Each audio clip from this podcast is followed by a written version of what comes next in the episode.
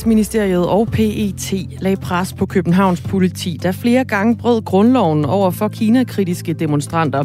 Det skete blandt andet i 2012 under et kinesisk statsbesøg. Det er altså, hvad der står klart efter, at Tibet-kommissionen har afleveret sin beretning i går. Men er der så egentlig om sider øh, blevet sat punktum i den her sag? Det spørger vi en af demonstranterne fra 2012 om i den kommende time. Det kommer øh, også til at handle lidt om øh, Carlsberg. Om det gør det om øh, et kvarters tid. Det har det sådan set også gjort tidligere. Grunden til, at det tidligere her i Radio 4 Morgen har handlet om øh, Carlsberg, det er, fordi vi beskæftiger os med den diskussion, der er opstået som, om øh, sæt som symbol i øh, firma logoer og så videre. Øh, fordi russerne har taget øh, patent på sættet, eller i hvert fald bruger det på kampvogne, øh, påmalet et, et sæt øh, ved invasionen i Ukraine.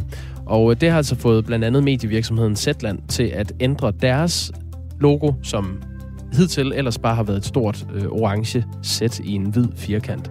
Lige om lidt kommer vi til at tale med en øh, virksomhed, som har en rund cirkel med et hvidt sæt i som logo.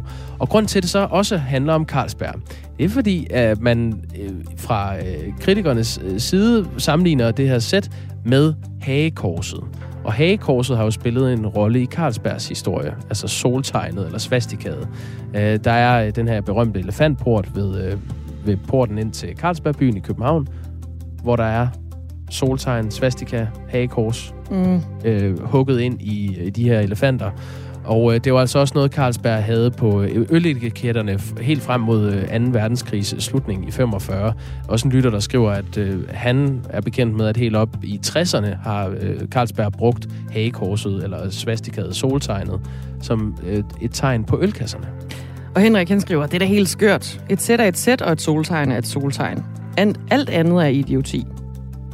Øh, Hitler valgte et meget ikonisk ikon, svastika, og gav det sit eget personlige præg. Han spejlvendte det, og dermed var hans lykke gjort, er der en, der skriver. Nå, vi kommer til at beskæftige os med Carlsberg, og det er sådan set med et lidt andet afsæt, men det handler om, at en dansk værtshusejer øh, lige nu demonstrerer foran Carlsbergs hovedkontor i København.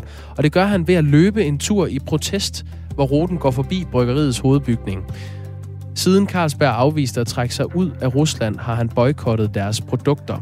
Og det er jo en beslutning, som øh, Carlsberg i går, i går omgjorde og sagde, at nu trækker de sig ud af Rusland alligevel. Øhm, det var ellers øh, af hensyn til de ansatte i Rusland, at Carlsberg ville blive, men det, det vil de altså ikke længere.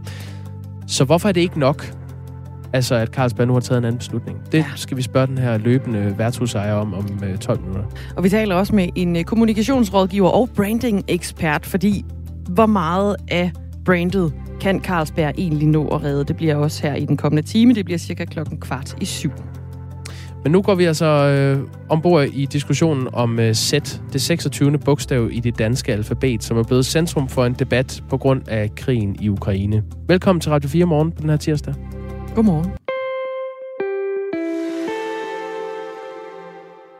Sættet er de seneste par uger blevet set på øh, militært materiel kampvogne i russiske byer og på flag øh, blandt andet.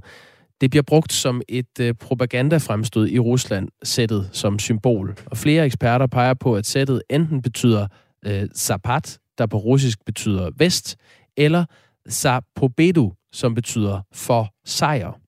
Og det har altså fået øh, netmediet Zetland til at ændre deres logo. Lad os lige høre fra øh, direktøren i Zetland, Tav Klitgaard et logo er et symbol, og det, det symbol, som vi har brugt øh, som vores logo altid, det er nu blevet spændt for en vogn, som, som vi ikke har lyst til at, at være spændt for, nemlig Putins ideologiske vogn. Så nu skal Zetland have et nyt logo. Det bliver inden lanceringen af deres nye app, som kommer på fredag den 1. april, hvor de så alligevel skulle have haft et nyt logo. Vi havde faktisk allerede designet vores logo, og det var et stort øh, sæt, også det nye logo. Og da vi så begyndte at kigge på det, så kan vi sige, at vi kan, vi kan simpelthen ikke stå og præsentere en ny identitet. Og så er der kæmpe store sætter ud over det hele. Det kan vi simpelthen ikke leve med. Kunne jeg undgå, at Putin han havde brugt øh, sættet som sit symbol, så ville jeg meget, meget gerne øh, have haft det. I flere tyske delstater kan brugen af et sæt som offentlig støtte til Ruslands invasion af Ukraine nu betyde en bøde eller op til tre års fængsel. Men der er altså virksomheder, som har et sæt som logo og vælger at holde fast i det. Palle Lorentzen er en af dem. Godmorgen. Godmorgen. Du er direktør for Selected Foods, og det er altså Selected med et sæt. Du hedder jo også Lorentzen med et, øh, et sæt. Er det, er det derfor, du bruger sæt i Selected Foods? Ja, da vi for 18 år siden startede Selected Foods, der skulle vi finde på en måde at gøre os øh, genkendelige på. Og der kom min kone op med ideen at bruge sættet fra vores efternavn som, som brand på de forskellige produkter, vi, vi har. Ja, jeres logo er sådan en sort cirkel med et hvidt sæt i midten. Hvilke reaktioner har I fået på, øh, på det her sæt i jeres logo? Vi har ikke fået rigtig nogen reaktioner på logoet, hverken på sociale medier eller i, i mails. Og det skyldes nok den omstændighed, at vores logo ikke kun består af et sæt, men også øh, af en cirkel rundt om, hvor der står Selected Food We Love to Share.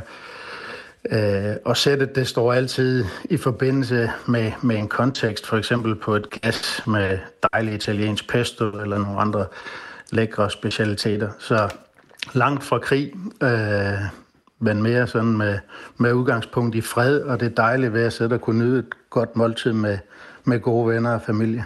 Ja, man må sige, at der er meget langt øh, øh, fra krig til, til jeres produkter. Øh, jeg sidder her med et billede af, af nogle forskellige øh, former for pasta, I også har i Selected Foods. Det er jo sådan i nogle gennemsigtige poser. Der er spaghetti og linguine og øh, fusilli og forskellige former for pasta. Og så er der så det her logo øh, med den orange cirkel rundt om en sort cirkel, og så et sæt i, øh, i midten. Øh, Palle Lorentzen, hvorfor vil I ikke ændre jeres øh, sæt-logo, ligesom for eksempel Zetland har valgt at gøre? Altså lige her i weekenden har vi deltaget i en forbrugermesse i Bella Center, hvor mere end 50.000 mennesker kom igennem og smagte på vores produkter og så vores produkter. Og ud af alle de der mennesker, vi nu var i kontakt med, der var 10, der, der nævnte sættet med sådan et lille glimt i øjet og sagde, jamen, har, I, har I et problem her? og da vi så kunne fortælle dem, at historien omkring, hvordan sættet er opstået, jamen, så var der ikke nogen, der havde problemer i det. Men øh, det er klart, at vi følger situationen tæt, og hvis, øh, hvis vores forbrugere synes, at, øh, at vi har et problem, så, øh, så, må vi, så må vi kigge på det. Det er bare ikke helt så nemt øh, for os at ændre, som det er for Zetland, fordi vi, vi har det på, på millionvis af produkter, der står ude i supermarkedet og på lager og så videre, så, så det vil tage meget lang tid, og at fjerne det, hvis det, hvis det er det, der skal blive konklusionen. Men, men er det, vil det sige, at hvis I får øh, nogle negative reaktioner fra forbrugere, en, øh, en mindre shitstorm, så er I klar til at ændre jeres logo? Altså, vi, vi vil sige, at vi, vi lytter mere til forbrugerne, end vi lytter til Putin. Øh, og jeg har godt hørt, at nogen har kapituleret til, at Putin har stjælet sættet for alfabetet, men men der tilhører vi så modstandsbevægelsen, så vi vil, vi vil kæmpe for det så længe som muligt, men det er klart, det er forbrugerne, der i sidste ende er, er dem, vi lytter til. Hvor, hvor men, hurtigt vi kunne tage den beslutning egentlig? Altså, oh, jeg håber ikke, undskyld, jeg håber ikke, vi skal til at lære vores børn, at, at en zebra ikke må hedde en zebra, men en ebra, eller at man skal til at køre i en Mercedes-Benz. øh, så vi, vi, vi har også hørt, at ham Putin han skal have noget modstand, fordi ellers så bliver han bare ved. Og hvis det næste bogstav, han erobrer, det så er D, hvad skal Danmark så hedde? Mm. Det er jo et retorisk spørgsmål. Ja. Øh, hvor hurtigt vi kunne ændre logoet, hvis det var? Jamen altså, det at lave et nyt logo tager jo ikke lang tid, men det, der tager lang tid, det er at få det implementeret. Øh, altså, der er jo en hel masse emballage, og der er, der er varer i butikkerne, som jeg siger, og, og det, altså, det vil jo gå, der, det vil tage flere år, inden at det er gennemført på alt. Øh, så, det, så den, den vej håber vi ikke, at, øh, at vi skal gå. Men uh, vi følger udviklingen ydmygt og tæt, og, uh, og hvis vi en dag skal ændre vores logo, så bliver det som sagt på grund af, at det er de mennesker, som hver dag køber og nyder vores produkter, som, som siger til os, at vi skal gøre det. Ikke fordi vi skal tække sin aggressator som, som Putin. Det vil også koste en del penge at gøre, ved det ikke det? Det vil det. Mm. Det kan jeg slet ikke gøre op. Og ja, vi er en, vi er en mindre virksomhed, så øh, vi håber ikke, at vi, vi, vi lander i en shitstorm, fordi det, øh, det bliver svært for os at navigere i. Det er, jo, det er jo meget nemt at sidde og gøre sig lidt lystig over det med en Mercedes-Benz, eller en, hvis man skal tage i oologisk have. Men vi har talt med øh, Valentina Shapovalova, som forsker i medievidenskab på Københavns Universitet med fokus på russiske medier. Og hun øh, siger følgende om det her sæts betydning sættet betyder rigtig, rigtig meget lige nu, så, eller har en meget stor symbolsk betydning i Rusland øh, som en hyldest til, til den her krig og en hyldest til Putin. Og selvfølgelig uden for Rusland. I Ukraine, der bliver det jo opfattet som det modsatte. Så man er virkelig sådan paraderne oppe, når, når man ser et sæt. Og hun, øh, hun mener altså, at, at sættet her har fået en ny betydning i dag, om øh, vi kan lide det eller ej her i Danmark. Det er blevet sammenlignet med, øh, med hagekorset på de sociale medier. Jeg har set øh, flere, flere memes florere og flere sådan, øh, grafiske tegninger, hvor man har sidestillet sættet med, øh, med hagekorset. Øh, og jeg kan godt forstå sammenligningen, netop fordi det fylder så meget i Rusland og at, i den her krigsførelse. Betyder det noget for dig, at, øh, at sættet øh, i nogle kredse er blevet sådan et nyt øh, hagekors, øh, Palle Lorentzen? Ja, jeg synes, der er en, en stor forskel, altså hvor, hvor hagekorset er, er mere specielt, og det, der er ikke noget, der ligner det. Uh, sættet det bliver brugt i alle mulige sammenhænge, i alle mulige navne, i alle mulige ord og så videre. Altså det, det er som sagt en del af vores, uh, af vores alfabet, men hvis... Men det er jo faktisk, altså det er jo sammenlignet med svastikaet, eller sådan et, uh, et, uh, et soltegn. Altså det, det er også problematisk. Det, det er i hvert fald svært at, uh, at reclaime det øh, symbol i dag. Ja, altså, men, men altså skal sættet udfaset af alfabetet, så, så skal det selvfølgelig også udfases af vores produkter, øh, og, og, og sådan er det. Men, øh, men det er ikke, altså den værdi, vi tillægger vores brand, det er jo det er noget helt, helt andet end, øh, end det, man forstår ved det i, i Ukraine eller i, i Rusland. Det her det er jo en, en principielt øh, interessant diskussion om, hvorvidt man skal underlægge sig den betydning, som øh, sættet har fået, fordi rus, russerne bruger det i, øh, i invasionen af Ukraine. Altså ifølge direktøren for Zetland, som jeg spillede et klip med før, jeg har et mere med ham, øh, Tav Klitgaard, så skal deres brugere være trygge ved Zetland, mener han. Og derfor mener de så hos Zetland, at det her sæt skal væk fra logoet. Vi bruger vores logo til en hel del forskellige ting, så det er ikke sådan, at jeg vil sige, at, at firmaer, der ikke ændrer deres logo, de gør noget forkert. Bestemt ikke. Øh, men det er jo fordi, den måde, det fungerer for, øh, for os på, er jo, at, at, øh, at vores medlemmer, de også skal være trygge øh, ved at have det logo liggende på deres, øh, på deres hjemmeskærm, på deres telefon. De skal være trygge ved at gå med en mulepose, hvor vores logo er på. Og der må vi bare konstatere, at det, det fungerer ikke rigtigt i dag siger altså direktøren for, for Zetland, Tav Klitgaard. Palle Lorentzen, du er direktør for Selected Foods, som altså også har det her sæt i øh, jeres logo. Hvad skal der til, før I kommer derhen, hvor I vil overveje at skifte jeres logo ud med noget andet? Jamen det er som sagt, at hvis, hvis forbrugerne synes, at, øh, at, de, at de forveksler det med nogle andre ting, eller med nogle andre værdier end det, vi står for, øh, så har vi selvfølgelig en udfordring, som vi skal gøre noget ved. Men ellers så vil jeg mene, at øh, vores logo består godt nok af et sæt, men også nogle andre ting, en tekst rundt om. Øh, og det fremgår altid på nogle produkter, som er meget langt væk fra, fra Rusland. Vi har aldrig handlet med Rusland. Vi kommer for, for, forhåbentlig heller aldrig til det. Øh, så forbrugerne kan være helt trygge ved, at de produkter, de køber fra os, det er, det er gode europæiske produkter fra, fra dygtige producenter rundt om i Europa. Tak fordi du var med i Radio 4 morgen, Palle Lorentzen, med sæt. Velkommen. Direktør tak. for uh, Selected Foods, også med et sæt. Det er i øvrigt ikke første gang, at en virksomhed ændrer navn på grund af krig øh, og konflikt. Nej, det er det ikke. Øh, I 2016 er der måske nogen, der erindrer, at den aarhusianske virksomhed ISIS ændrede navn. Så det altså ikke hed IS, IS, ISIS, ISIS, men ISIS med EA. Take it easy. Ja, præcis. Mm. Og det var jo, øh, fordi virksomheden ifølge... Øh, altså navnet, det havde en, en politisk slagside, kan vi vist kalde det, fordi det mindede øh, farligt meget om islamisk stat, der jo også blev kaldt ISIS. Det kan man sige. Det ja. kunne faktisk ikke minde mere om. Ja, det var meget tæt på. øh, der kommer rigtig mange øh, gode sms'er. Øh, de fleste hælder til, at øh, det skal vi altså ikke tage så tungt, det med det sæt der. Øh, Daniel skriver en sms. Daniel han skriver, Godmorgen, forstår ikke det med sæt. Hvorfor er det et emne? Det er et skide bogstav. Synes ikke, nogen skal ændre logo og navn osv. Der er jo masser af symboler, der er brugt af diktatorer og onde folk. Men så ender vi uden bogstaver. En zebra er ikke pludselig et kommunistisk, øh, er ikke pludselig kommunistisk, et kommunistisk Putin-elskende pattedyr, bare fordi der indgår et sæt i navnet, skriver han. René fra Mors skriver, min nummerplade på bilen starter med SZ må man så kaste sten på bilen. Kom nu ind i kampen. Det er et bogstav, og lad være med det, i øvrigt.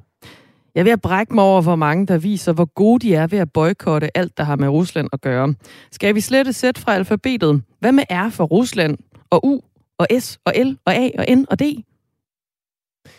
Og så skriver en øh, person, som jeg vil tro hedder Kenneth, men har udladet øh, E'et af sit navn, fordi han skriver, vi må ikke håbe, at der er en ekstremistisk gruppe, der tager E'et. Så er vi på den. Men mm, hilsen uden E. Det er sjovt. Kenneth statuerer et eksempel. Ja, tak for uh, sms'erne. Det er dejligt at se, I uh, holder humøret højt derude. Uh, nummerne, nummeret herinde er 1424, hvis du har lyst til at skrive en sms til os. Og klokken er 21 minutter over syv. En dansk værtshusejer løber her til morgen protestløb foran Carlsbergs hovedkontor i København. Og det gør han, fordi bryggeriet ikke har gjort nok for at skære Rusland ud af forretningen under krigen. Er vi nået dertil, at, at vi skal forholde os til den her krig, som, som er lige ved siden af? Øhm, Rusland så er så langt væk, og alligevel ikke. Altså, vi, vi lever i en global verden, hvor tingene går så stærkt. Øhm, der synes jeg bare ikke, at er i orden, at en mastodont som, som Carlsberg øhm, ikke går aktivt ind og gør noget fornuftigt. Det, det er i min, min optik meget udansk. Ja, sådan sagde Janus Hansen, som øh, ejer Café City i Ringsted, da vi talte med ham den 8. marts. Han har de seneste uger altså fjernet Carlsbergs produkter fra sit sortiment. I går der annoncerede bryggeriet så, at de nu endelig vil trække sig helt ud af Rusland, når de har fået solgt bryggerierne i landet. Nu er Janus Hansen med igen. Godmorgen. Godmorgen. Ejer af Café City i Ringsted. Og du løber altså lige nu et uh, protestløb i, uh, i København. Men Carlsberg... Det er rigtig dårlig linje, her. Jeg kan ikke høre, hvad I siger. Kan du ikke høre, hvad vi siger? Vi har altså nogle udfordringer med vores øh, telefonlinje. Går den øh, slet ikke igennem, Janus Hansen? Kan I høre mig? Vi hører dig klart. Jeg tror, vi, jeg tror, vi forsøger lige at ringe op, op igen. Janus Hansen igen. Der er altså mus i maskineriet. Det kan jo ske. Men det er der altså lige nu. Uh, vi kan jo sige, at han, han løber altså rundt i uh, København foran uh, Carlsbergbyen. Og uh, det er jo lidt interessant, at øh, han stadig vælger at protestere, selvom Carlsberg nu har taget den, øh, den modsatte beslutning. Ja, og det er jo altså derfor, vi har ham med igennem. Det er jo for at høre, hvorfor protesterer du fortsat? Hvad er det egentlig, der skal ske nu, for at du øh, ja, ikke vil protestere over Carlsberg længere? Ligesom han jo for eksempel har trukket øh, Carlsberg fra, øh, fra sit sortiment på den bar, han altså ejer i øh, Ringsted. Carlsberg havde jo først den holdning, at man ville øh, blive i Rusland af hensyn til de ansatte i, øh, i Carlsberg i Rusland. Og et lignende melding er kommet i øvrigt fra den danske skovirksomhed Eko, Altså at man øh, ikke bare trækker sig ud af Rusland, men synes, man har en forpligtelse over for dem, der er ansat i Rusland.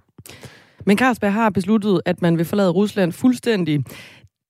De øh, lukkede tidligere i marts for salg og produktion af Carlsberg øl i øh, Rusland, men nu tager man altså det her skridt videre, og så begynder man med at frasælge sine aktiviteter i Rusland. De skriver i en øh, pressemeddelelse, de har taget den vanskelige og umiddelbare svære beslutning om at afhænde alle vores forretninger i Rusland, hvilket vi mener er den rette ting at gøre i den nuværende situation. Når det er effektueret, vil vi ikke længere være til stede i Rusland, lyder det. Timingen er interessant. Øh, Zelensky, den ukrainske præsident, taler til Folketinget i dag via videolink. Det var også øh, en historie, vi var omkring tidligere her til morgen. Og øh, han har ellers i andre sammenhænge, når han har talt til andre, talt til andre landes øh, parlamenter, nævnt de virksomheder, som hører til i det pågældende land, som altså stadig bedriver virksomhed i Rusland. Han har simpelthen udskammet de her virksomheder. Og der kunne man jo godt forestille sig, at øh, Zelensky i dag, hvis Carlsberg ikke havde taget den beslutning, kunne have valgt at pege på Carlsberg. Mm. Men altså, det er jo gissninger. Og nu, det er, altså nu er der taget en ny beslutning. Ja, vi ved altså fortsat ikke, hvad Zelensky han vil sige. Hvornår er det, han skal tale i dag? Det er 12.30, 12.30. i uh, det danske parlament i Folketinget via videolink. Ja. Om ikke andet, så indtil der er fundet en køber, så vil bryggerierne i Rusland, altså fra Carlsbergs side, fortsætte den nuværende drift, og det vil man af hensyn til ansatte og til også de ansattes familier. Og mens øh, krigen i Ukraine den stadigvæk ruller ud af, så vil øh, hele overskuddet fra den russiske forretning blive øh, doneret til nødhjælpsorganisationer. Og nu tror jeg, vi har øh, Janus Hansen med igen. Godmorgen. Det har vi. Ja, så er der hul igennem. Ejer af Café City i Ringsted. Øh, du løber lige nu et, et protestløb i, øh, i København omkring Carlsberg byen, men Carlsberg har jo trukket sig fra Rusland, så hvorfor er det ikke godt nok? Altså Carlsberg kommer ud med en udtalelse med en overskrift, hvor de siger, at de trækker sig. Men hvis man går ned i essensen i det, så siger de jo også, at de har taget til salgskilt på maven og, og, og fortsætter deres drift i, i Rusland. Så du mener, de skal lukke ned med det vunds? De kan jo ikke nå at sælge øh, fra med det vunds. De skal gøre som alle de andre store macedoner, simpelthen bare stoppe og så forlade Rusland. Hvad så med de ansatte, der for eksempel er, er ved, ved virksomheden og ved bryggerierne? Der er sindssygt mange mennesker i det her, som er berørt, øh, også Carlsbergs ansatte. Men det vigtige må her, det må være de her 44 millioner, som bliver bombet i stykker ned i Ukraine. Alle andre mastodoner, de trækker sig fra Rusland, så det burde Carlsberg også gøre. Og lige nu der løber du altså et protestløb foran Carlsbergs hovedkvarter i København, og I er øh, to personer, der løber tre omgange i byen, øh, som går forbi den her øh, bygning. Hvad, hvad, sådan mere konkret, hvad er det, I prøver på at opnå med den her løbetur? Men helt konkret, så, så får vi altså en snak her til morgen om, om livet og om, om situationen med Ukraine og ja, alt muligt andet får vi en snak om. Øhm, og jeg løber herinde øh, foran Carlsberg i protest, så direktionen kan se, at vi er altså nogen, som står, står lidt tidligt op og, og mener, at de skal stoppe. Altså vi alle sammen kan jo lave et aktivt valg. Det er svært for os at vælge en anden supermarked, fordi Carlsbergs produkter er i alle supermarkeder, men vi kan være med at bruge deres produkter. Altså vi kan vælge, hvor vi spiser hen. Vi kan gå ind og spise nogle steder, hvor man ikke har Carlsbergs produkter, eller hvor man som, som minimum har valgt også at have nogle andre produkter. Så hvis vi alle sammen bare gjorde en lille forskel, så kan vi nok se, at Carlsberg gør en stor forskel.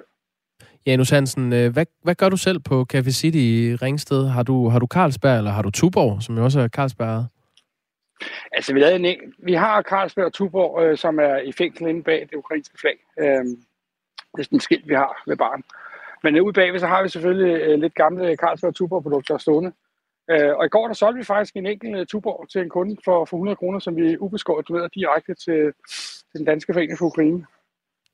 Så det kan vi godt være, at vi begynder at sælge dem til 100 kroner, hvis der er nogen, der gider kigge. Men altså, folk, de er fuldstændig ligeglade, hvad det er for noget, de drikker. Altså, og de drikker, hvad hedder det, de andre øh, pilsner, som, som vi tilbyder, den drikker de normalt derhjemme. Så nu sidder de bare og nyder dem nede på, på vores værtshus. Så det er faktisk lidt sjovt. Hvad, hvad skal der egentlig til, for at du er tilfreds i, øh, i den her sag omkring Carlsberg, Janus Hansen? Altså, jeg synes, vi skal have en ordentlighed frem. Altså, danske virksomheder med en ordentlighed. Så direktionen, som sidder med, med flertal og beslutter, at man skal fortsætte øh, driften i Ukraine, eller undskyld, i Rusland, uh, på Carlsbergs øh, direktionsgang, de skal selvfølgelig med ordentlighed bare træde tilbage, eller nogle unge fornuftige kræfter komme til. Nu har man jo så valgt at, at rent faktisk trække sig ud, men man, man har lige brug for at, at få solgt, øh, solgt fra, hvad man nu har i, øh, i Rusland. Er det ikke fair nok?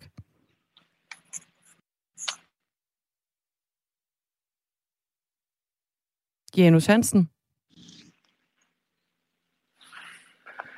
Det må vi... Ja, jeg må lige undskylde, min datter forsøger at facetime her. Nå, for pokker. Jeg hørte ikke lige, hvad I sagde. nu øh, øh, forsøger man jo at, at trække sig ud af... af, af Ja, vi kan sagtens høre dig. Jeg tror, vi har fået forsinkelse på linjen her, Janus Hansen. Jeg stiller lige et sidste kort spørgsmål, og det handler altså om, at Rusland, de har jo sådan set, eller hvad hedder det, Carlsberg har jo valgt at trække sig ud af, af Rusland nu, men fordi der stadigvæk er nogle aktiver, der skal sælges fra, så fortsætter man altså produktionen lidt endnu, blandt andet for, for de ansatte skyld. Er det ikke fair nok?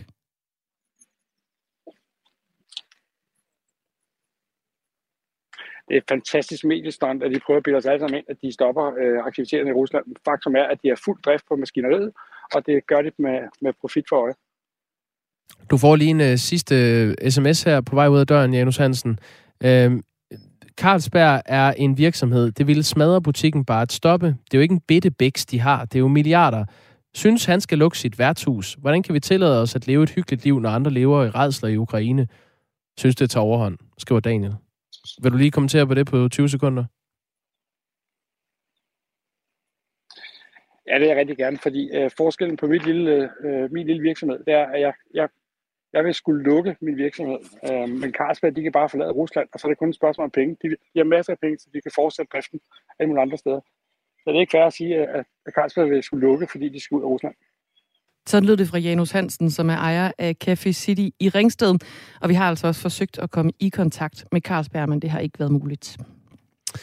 Øh, hold op, der er mange gode øh, sms'er. Øh, særligt også på det her med, om, øh, om vi kan tillade os stadig at have virksomheder, der har et sæt i øh, logoet, eller om øh, man skal holde helt op med at have det. Jeg tror, vi tager dem på den anden side af nyhederne. Vi skal lige høre fra Anne Philipsen. Du lytter til Radio 4 morgen. Klokken er blevet halv otte.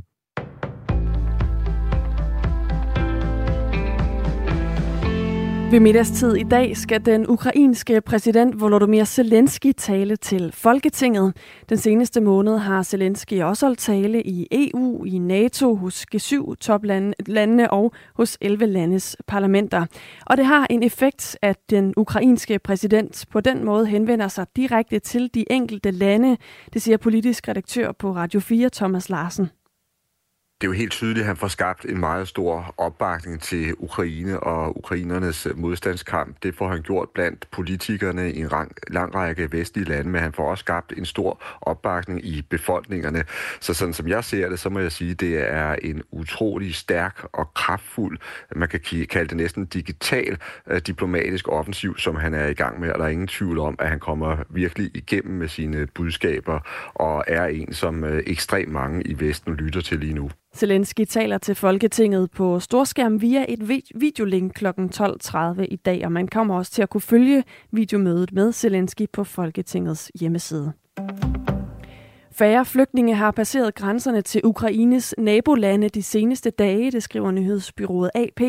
Det seneste døgn har omkring 45.000 personer krydset grænserne, og i fire ud af de seneste fem dage har tallet ligget under 50.000. Til sammenligning forlod over 200.000 mennesker Ukraine både den 6. og 7. marts. Ifølge FN's flygtningeorganisation så har krigen i Ukraine udløst den værste flygtningekrise i Europa siden 2. verdenskrig. Alene Polen har modtaget ca. 2,3 millioner flygtninge. Senere i dag skal klimaminister Dan Jørgensen i samråd om Klimarådets nyeste rapport. Den konkluderer igen i år, at regeringen ikke har vist, hvordan vi når målet om at udlede 70 procent mindre CO2 i 2030. Der er dog sket betydelig fremdrift på området de seneste to år, lyder det også i rapporten. Alligevel så er der stadig et stykke vej, viser rapporten ifølge Sebastian Mernil, der er professor i klimaforandringer og prorektor ved Syddansk Universitet. Med det, der er lagt øh, op til nu, jamen, der vil man se en reduktion på 57 procent øh, mod 2030, så der er stadig et stykke vej fra de 57 op til de 70 procent. Men omvendt kan man også sige, at øh, øh det er et langt sejt træk, der skal tages. Øh, der skal jo både reduceres inden for adskillige sektorer, men der skal også sættes ny forskning i gang, så vi kan blive endnu bedre på den grønne omstilling. Så, som er der på vej, men øh, langt fra i mål. Klimarådet er en slags uafhængig vagthund, der holder politikerne op på deres klimamål. Transportminister Trine Bremsen vil nu se på andre løsninger for at afskaffe det forurenede mudder, der opstår i forbindelse med byggeriet af Lynetteholmen.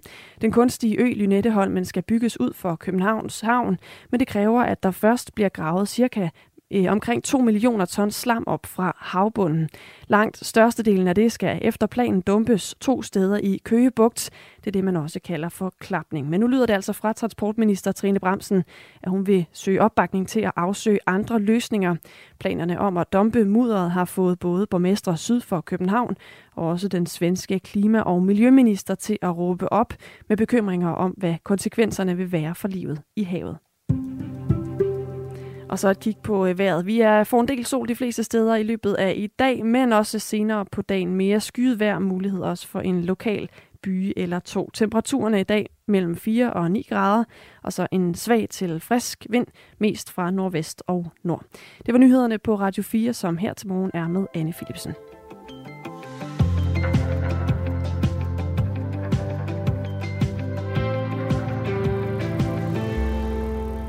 Moin i to skønne værter. Jeg synes, det tager fuldstændig overhånd med alle dem, der farer rundt og leder efter sætter. Download Pokémon-spillet og led efter Pokémon i stedet for. Tænk på, hvor mange milliarder det allerede har kostet vores gode gamle Carlsberg, og nu kommer turen til elefanterne. Danskerne smadrer, der, smadrer egne virksomheder, fordi pludselig er sæt blevet døden selv. Vi ved alle udmærket, hvad sæt betyder, og hvad nu? Gud forbyde det, men hvad mon bliver næste bogstav? Putin kan sikkert kun grine over, at danskerne farer rundt for at tvinge firmaer til at bruge penge på at ændre, hvad end de har et sæt på. Synes, det er trist at se på, skriver Charlotte R. ind på 1424. Tak for en øh, god sms, Charlotte. Øhm, når Charlotte nævner elefanterne og det gode gamle Carlsberg, så er det altså fordi, at sættet bliver sammenlignet med øh, hagekorset, og der er de her svastika-symboler på øh, elefantporten ved indgangen til Carlsbergbyen i København. Hagekorset er parallelt øh, med hammer og sejl, som Putin sikkert gerne vil bruge, skriver Mathias. Z er måske synonymt med det X, som tyskerne brugte i Spanien, skriver han videre. Men brug nu tiden på noget fornuftigt. Øh, for eksempel om Arla gør det samme som efter øh, Mohammed-tegningerne, hvor de glemte at sænke prisen igen, efter markedet var blevet normalt. Det er vigtigt. Z er ligegyldigt, skriver Mathias. Nu det med bogstavet Z. Så er det vel også slut med at tage sig en lur i tegneserierne. Stakkels Vaxe Vigo, skriver Dennis ind fra Næstved. Snork. Jens skriver også, seriøst, skal Zorro så også skifte sit signatur i fremtidens remake af filmklassikeren? Og hvad med V, som også står på russiske kampvogne, skriver Sonny ind. Sættet det er jo, øh, altså diskussionen er jo opstået, fordi at det her sæt jo netop fremgår på, øh, på russiske kampvogne i ja. øh, krigen i Ukraine. Det er sådan set en øh, meget valid øh, pointe, Sonny har. Altså, V bliver også brugt. Nu, nu er sættet så blevet et, et mere tydeligt symbol, fordi det bliver brugt i flere forskellige øh, øh propagandasammenhænge i Rusland. For eksempel det her øh, hospice for, for døende børn, altså dødeligt syge børn, der blev tvunget til at stille sig med, med sæt, og så blev der taget billeder af dem. Øhm, så det er noget, man sådan bruger som en støtte til øh, øh, Ruslands særlige militære operation i Ukraine. Som det hedder. Mm. Ja, der er også en, øh, en russisk øh, gymnast, som kom på podiet under en øh, stor konkurrence, som hvor man pludselig også kunne se det her hvide sæt på brystet af hans, øh, den her dragt, han havde, øh, havde på til det her gymnastikstævne. Ja, mm. det, det er et symbol, der bliver brugt øh, rundt om. Øhm, der er også en, der spørger, hvad med Centropa? Hmm de har jo faktisk også et uh, sæt. Det er sådan lidt mere skjult i deres logo. Øhm, det er sådan en, en, nogle hvide felter og nogle blå felter, der uh, illuderer et sæt. Men mm, det er jo rigtigt ja. nok. Det er jo ja, sådan trekanter. Ja. Og så, jeps. Det er en uh, interessant principiel diskussion, det her. Og uh, du må meget gerne, hvis du har holdninger til sagen, eller til andet, du hører her i radioen, skriv ind til os på 1424.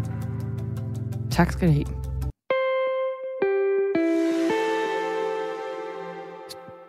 Skamligt, rystende og helt crazy. Det er bare nogle af de ord, som danske politikere har sat på de over 2.000 sider, som Tibet-kommissionen afleverede i går. Kommissionen kritiserer blandt andet Udenrigsministeriet og PET for at lægge pres på Københavns politi, der flere gange har brudt grundloven over for Kina-kritiske demonstranter, ved blandt andet at fratage dem deres Tibet-flag. Godmorgen, Anders Højmark Andersen. Godmorgen. Formanden for øh, støttekomiteen for Tibet. Og så er du også en af de demonstranter, der tilbage i 2012 fik krænket dine ellers grundlovssikrede rettigheder af Københavns politi ved et øh, kinesisk statsbesøg, som du sidenhen så har fået en erstatning for. Hvad betyder det for dig, at øh, Tibet-kommissionen nu har slået fast, at PET og Udenrigsministeriet lagde pres på Københavns politi? Øhm, undskyld, jeg fik ikke fat i spørgsmålet. Der var nogle udfald på lyden. Hvad betyder det for dig, at uh, Tibet-kommissionen nu har slået fast, at PET og Udenrigsministeriet de lagde et pres på Københavns politi? Hallo? Vi lukker ned igen. Det er, øh, det er faktisk nu det er blevet et øh, lidt gennemgående problem. Vi, øh, vi beklager, at, at det er sådan lidt fragmenteret det, med de her interviews, vi får lavet her til morgen. Vi har simpelthen noget, nogle problemer, nogle tekniske problemer med vores telefonsystem. Der bliver arbejdet på sagen ude i vores regi. Der er folk, der farer rundt og er i fuld gang. Så bliv bare hængende. Vi skal nok få det løst, men vi beklager. Ja, det må vi gøre. Vi forsøger lige at få, øh, få fat igen i Anders Højmark Andersen, og se om ikke vi kan få en, øh, en forbindelse til ham, hvor han rent faktisk også kan høre, hvad, hvad vi siger. Øh, vi kan i mellemtiden øh, sige, at Tibet-kommissionens første beretning, den øh, kom i 2017 og konkluderede, at ansvaret for politiets lovbrud ved demonstrationer i 2012 og 13 kunne placeres hos to mellemledere i Københavns politi. Efterfølgende, der viste det sig så, at kommissionen ikke havde fået adgang til mails fra politiets øverste ledelseslag og andre myndigheder, der var involveret i de her omstridte kinesiske statsbesøg. Og blandt andet derfor blev Tibet-kommissionen så gennedsat i 2018, og nu er der altså også kritik af PET og Udenrigsministeriet. Og kommissionen skriver blandt andet, der blev i Udenrigsministeriet udvist stor imødekommenhed over for de kinesiske ønsker om, at synlige antikinesiske demonstrationer og meningstilkendegivelser skulle undgås ved officielle besøg fra Kina, og at man var villig til at gå langt for at bevare den gode relation. Og nu har kommissionen så altså slået fast, at Københavns politi har givet instruktioner og også foretaget handlinger, der var klart ulovlige ved statsbesøg, både i 2002, 2004, 2012 og 2013. Og Tibet-kommissionen har altså også vurderet, at der ikke kan placeres et ansvar politisk på ministre i den her periode. Øhm, vi har forsøgt at få et interview med udenrigsminister Jeppe Kofod om kritikken af udenrigsministeriet, men han har ikke ønsket at stille op til øh, interview. I et skriftligt svar siger han blandt andet sådan her. Det er vigtigt for mig at understrege, at regeringen står helt og holdent fast på grundlæggende danske værdier som forsamlings- og ytringsfrihed. Det skal der ikke herske nogen som helst tvivl om. Jeg har fuld tillid til alle ambassadører i udenrigstjenesten, og jeg har tillid til, at ministeriets medarbejdere arbejder fuldt inden for de retlige rammer i forbindelse med den planlægning og afvikling af officielle udenlandske besøg, der også vil ske fremover. Så lyder det fra udenrigsminister Jeppe Kofod fra Socialdemokratiet. Og nu forsøger vi altså lige at sige godmorgen igen til Anders Højmark Andersen. Er du med her?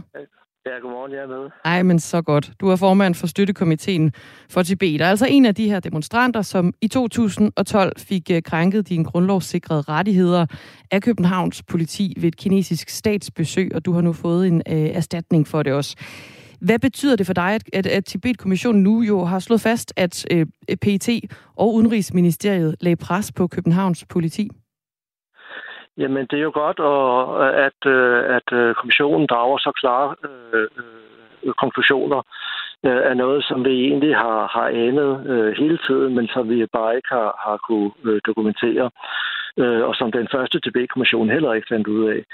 Så, så det, jeg ser det som øh, en delvis afslutning på, på den sag, der snart har været i, i 10 år nu. Dog så er der enkelte øh, uafklarede øh, spørgsmål, som jeg står tilbage med, men som muligvis allerede er øh, besvaret på de 2.162 sider. Nå, du skal lige igennem dem alle sammen. Øh, jeg skal lige igennem dem alle sammen, ja. Hallo. Vi skal lige forsøge også at skrue tiden tilbage til demonstrationen i, øh, i 2012.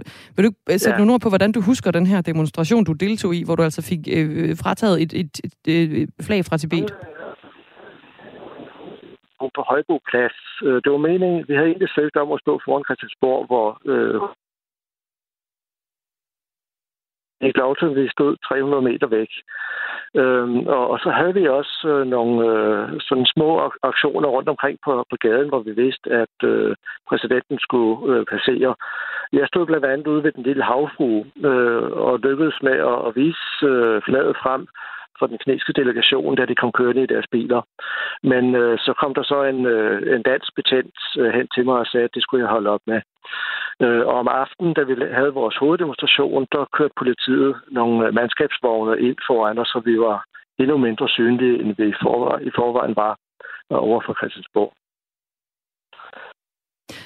Og nu står du tilbage her med øh, 2.000 sider, du stadigvæk skal have, have tykket dig igennem oven på en Tibet-kommission, som altså igen har lavet en, øh, en beretning.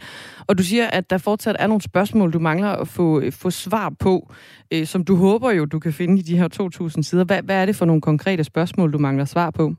Jamen, øh, dels det her med, med ministerne, hvor meget de skiftende udenrigsminister har været inde over. Øh, der, der ser det ud til, at øh, de ikke har fundet noget fra skrift, øh, kommissionen om at de øh, altså, sådan eksplicit skulle have, have haft en viden om, hvad der er foregået på embedsmandsniveau. Øhm, og det, det skal jeg nærstudere, men, øh, men øh, det, for mig er det i hvert fald slående, at den politik, som man har ført i Udenrigsministeriet generelt over for, for Kina, jo stemmer en til en med, med det, som man har vedtaget over i, øh, i Folketinget. Og skal det selvfølgelig også. Øh, men øh, men det, det er den linje, som har, har været øh, ekstremt øh, eftergivende over for kinesiske ønsker hvor, hvor et af de ønsker så har været at få igennem også af vejen, når de var på besøg i Danmark. Øhm, så øh, hvor meget man har vidst om det her på politisk niveau, det, det synes jeg lige, at øh, fortjener det er noget eftertanke. Øhm, og et andet spørgsmål, som jeg står tilbage øh, med, det er jo, øh, hvorfor den første TB-kommission ikke fik de meget afslørende e-mails, som den anden TB-kommission øh, har fået gravet frem, øh, blandt andet fra, fra slettede øh, arkiver. Øhm, så om der har været et cover-up fra Udenrigsministeriets side, eller om det er en tilfældighed, Øh, det er muligt, at øh, TB-kommissionen skriver noget om, om det i sin beretning. Det har jeg ikke noget at finde frem alt sammen lige nu, desværre. Det er det med øh, den store bunke papir, du nu skal øh, grave dig igennem.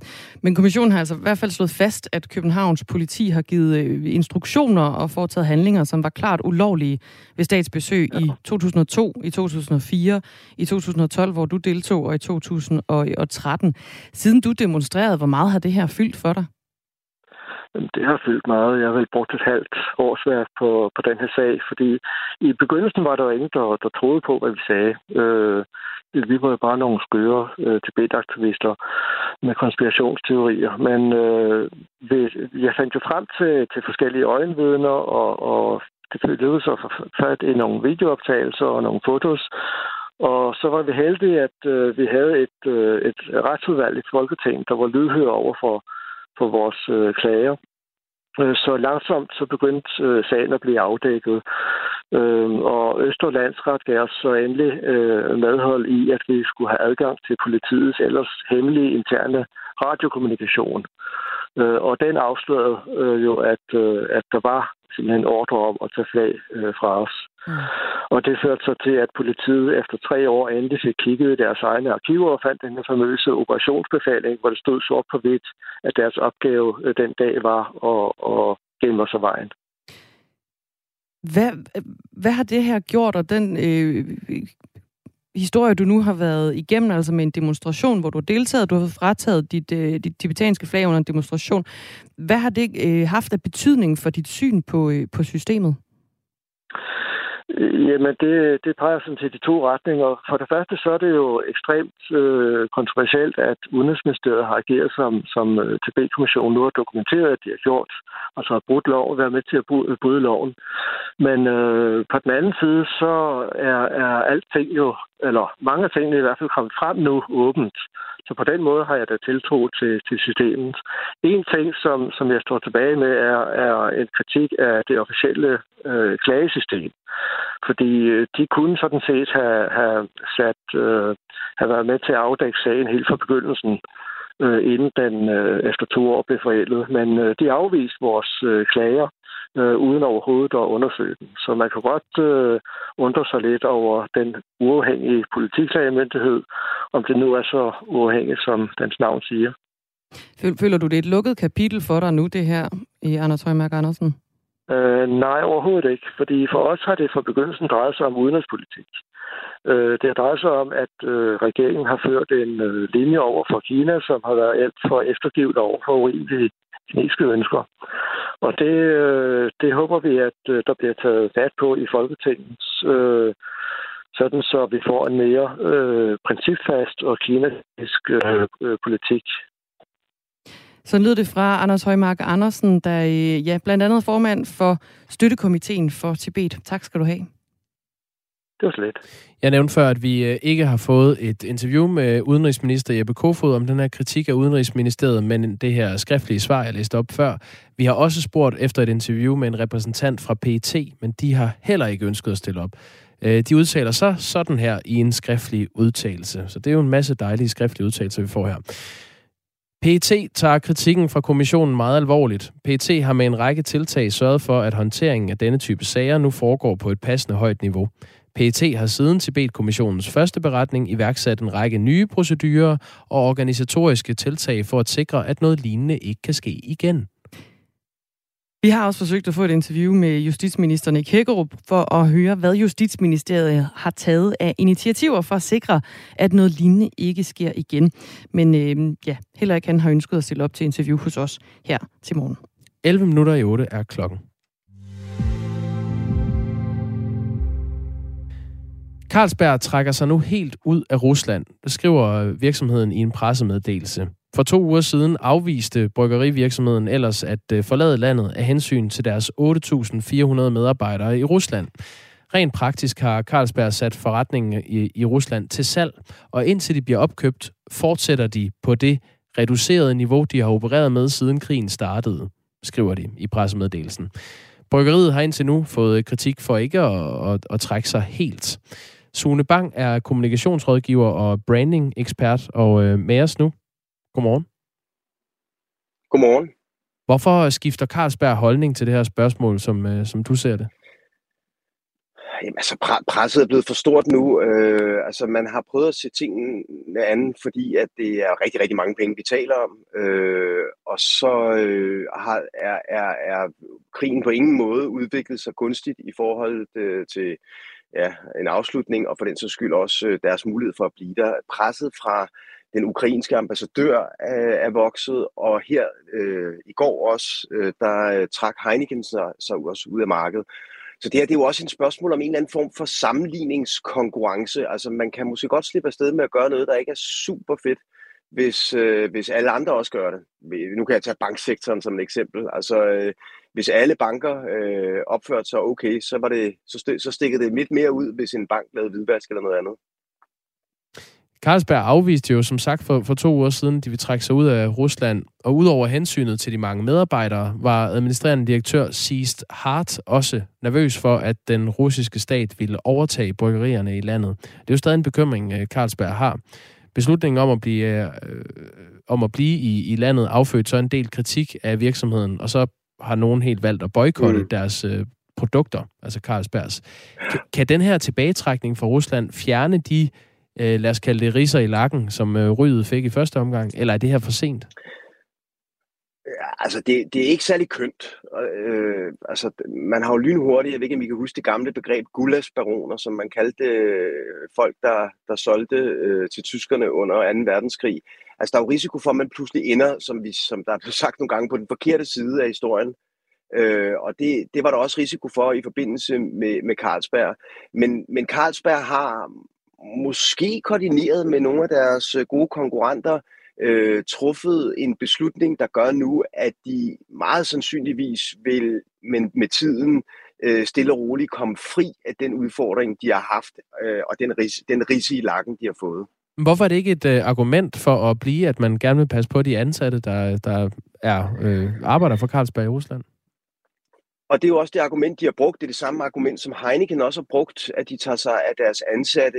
Men det er klart, at, man, at det klinger en lille smule hult, når man holder øh, ansattes, øh, hvad kan man sige, dagligdag virkelighed op mod det, vi ser i, i øjeblikket foregår i Ukraine, hvor at, øh, jeg ved ikke om det er øh, var det 10 millioner eller sådan noget, mennesker, der er på flugt. Øh, en masse mennesker bliver dræbt. Øh, et land bliver smadret.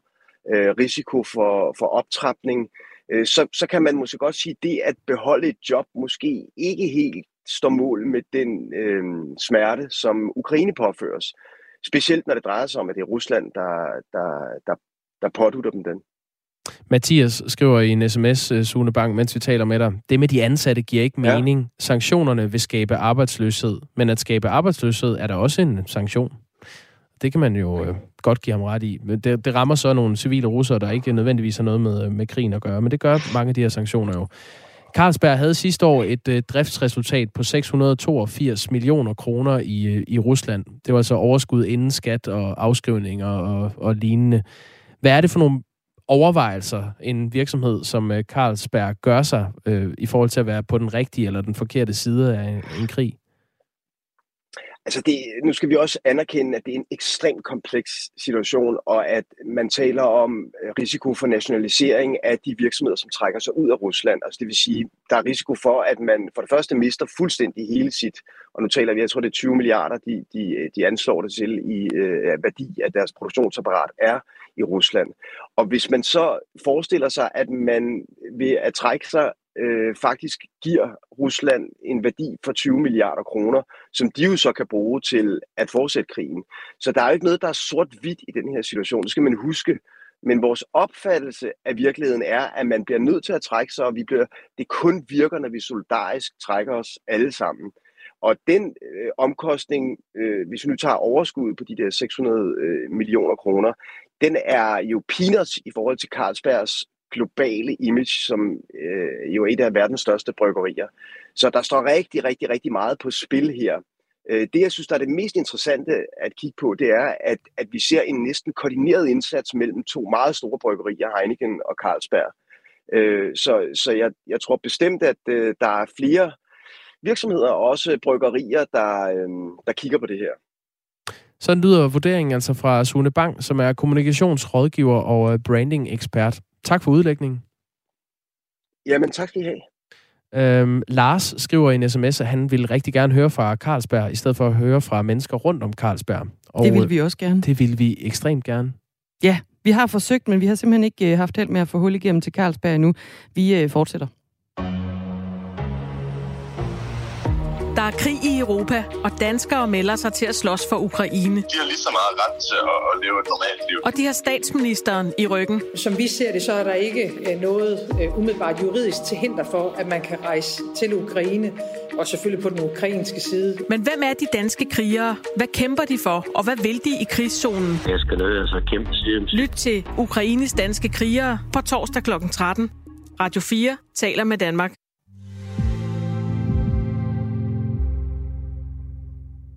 Klokken er blevet 4 minutter i 8 på denne 29. marts. Den 29. marts. Det er jo en dato, hvor der er sket mange øh, spændende begivenheder, og derfor synes jeg, at vi skal quizze i dem. Det lyder som en strålende plan. Det er jo vores lille segment, vi kalder fødselsdagskvisten, eller jubilæumskvisten kunne den også have heddet. Men altså, hvor vi ser på øh, begivenheder, der er sket på denne dato, altså den 29. marts. Dagmar, du skal opliste de næste fem begivenheder med den ældste først. Ja, tak.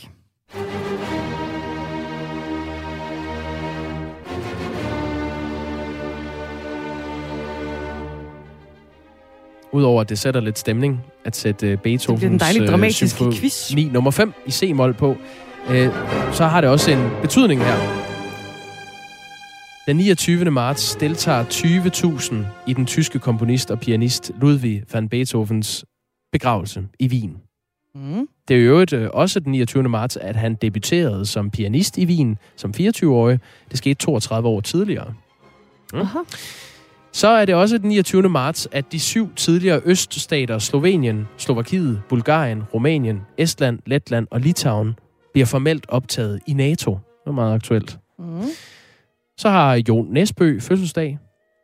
Han er øh, journalist og krimiforfatter. Øh, faktisk også musiker. Måske mest kendt for sine krimier. Og så er det også den 29. marts, at republikken Schweiz dannes. Så det er også Schweiz fødselsdag. Okay. Og den sidste begivenhed er, at Grønlands hovedstad Nuuk indfører øjeblikkeligt spiritusforbud mod, øh, for at beskytte børn i alkoholiske hjem. Bare sådan over en bred kamp. Ja. Fy til alkohol. Godt. Start med uh. den Uh. ældste begivenhed først. Uh. Jamen, jeg, øh, jeg har lyst til, at vi starter med, at 20.000 mennesker deltager i øh, en begravelse. Det er faktisk ikke engang rigtigt. Nej. Okay, det starter dårligt ud, det her. Øh, så er det Schweiz, der dannes. Ja, Ja, Schweiz blev dannet i 1798, Ja, så det ja, er ja. ældre end Godt. selveste H.C. Andersen. og så kommer begravelsen. Ja. Ja, I øh, 1827 deltager 20.000 mennesker i øh, Beethovens begravelse. i Og, 1827. ja, og i øh, 1795, også på denne dato, debuterede han som 24-årig ung, håbefuld pianist i Wien. Så må det være Jo Nesbø, der har fødselsdag. Det er også rigtigt, Dagmar. Mm. Godt lavet. Hun, Ja. øh, han bliver 62 år. Han er fra 1960. Og Nuuk indfører... Ej, det er svært. Det, du har tilbage nu, Det- er øh, de tidligere øststater, der bliver formelt optaget i NATO, Ja. og at øh, Nuuk i Grønland indfører øjeblikkeligt spiritusforbud. Så tror jeg, det er alkoholforbud i øh, Nuuk. Nej, Nej. Oh. det skete nemlig under coronakrisen, fordi der var øh, mange børn, der skulle opholde Nå, sig mere Gud. hjemme, end de plejede. Øh, så det var i 2020, at man Okay. tog den beslutning. Det er simpelthen kommet ind mellem ørerne, og så åbenbart ud igen. Det er fair nok. I øh, 2004 Mm, kom de øh, tidligere øststater i NATO. godt.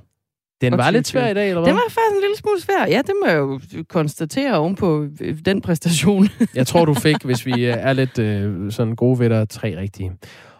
Men det er markante begivenheder. Det er Ja. derfor, jeg har taget dem med. Jeg synes, de kunne noget hver især. Men og det er jo netop det, fødselsdagskvisten den kan. Internationalt Den trækker lige nogle øh, begivenheder op af hatten, og så går man øh, simpelthen ud i dag på den 29. marts med en øh, lille smule ekstra fakta til dagen og i samtalen over frokostbordet. Om 20 sekunder får du endnu mere fakta, og det kommer fra Anne Philipsen, vores nyhedsvært. Øh, på den anden side af det går vi igen ombord i øh, det her borgerforslag, der har fået 50.000 underskrifter, som øh, kan betyde, hvis det bliver vedtaget i Folketinget, at det, det, der skal et aktivt tilvalg til, frem for et aktivt, fra, eller et aktivt fravalg, i stedet for et aktivt tilvalg i forhold til organdonation. Det er om, om det, fem minutter. Om fem Klokken minutter. er 8.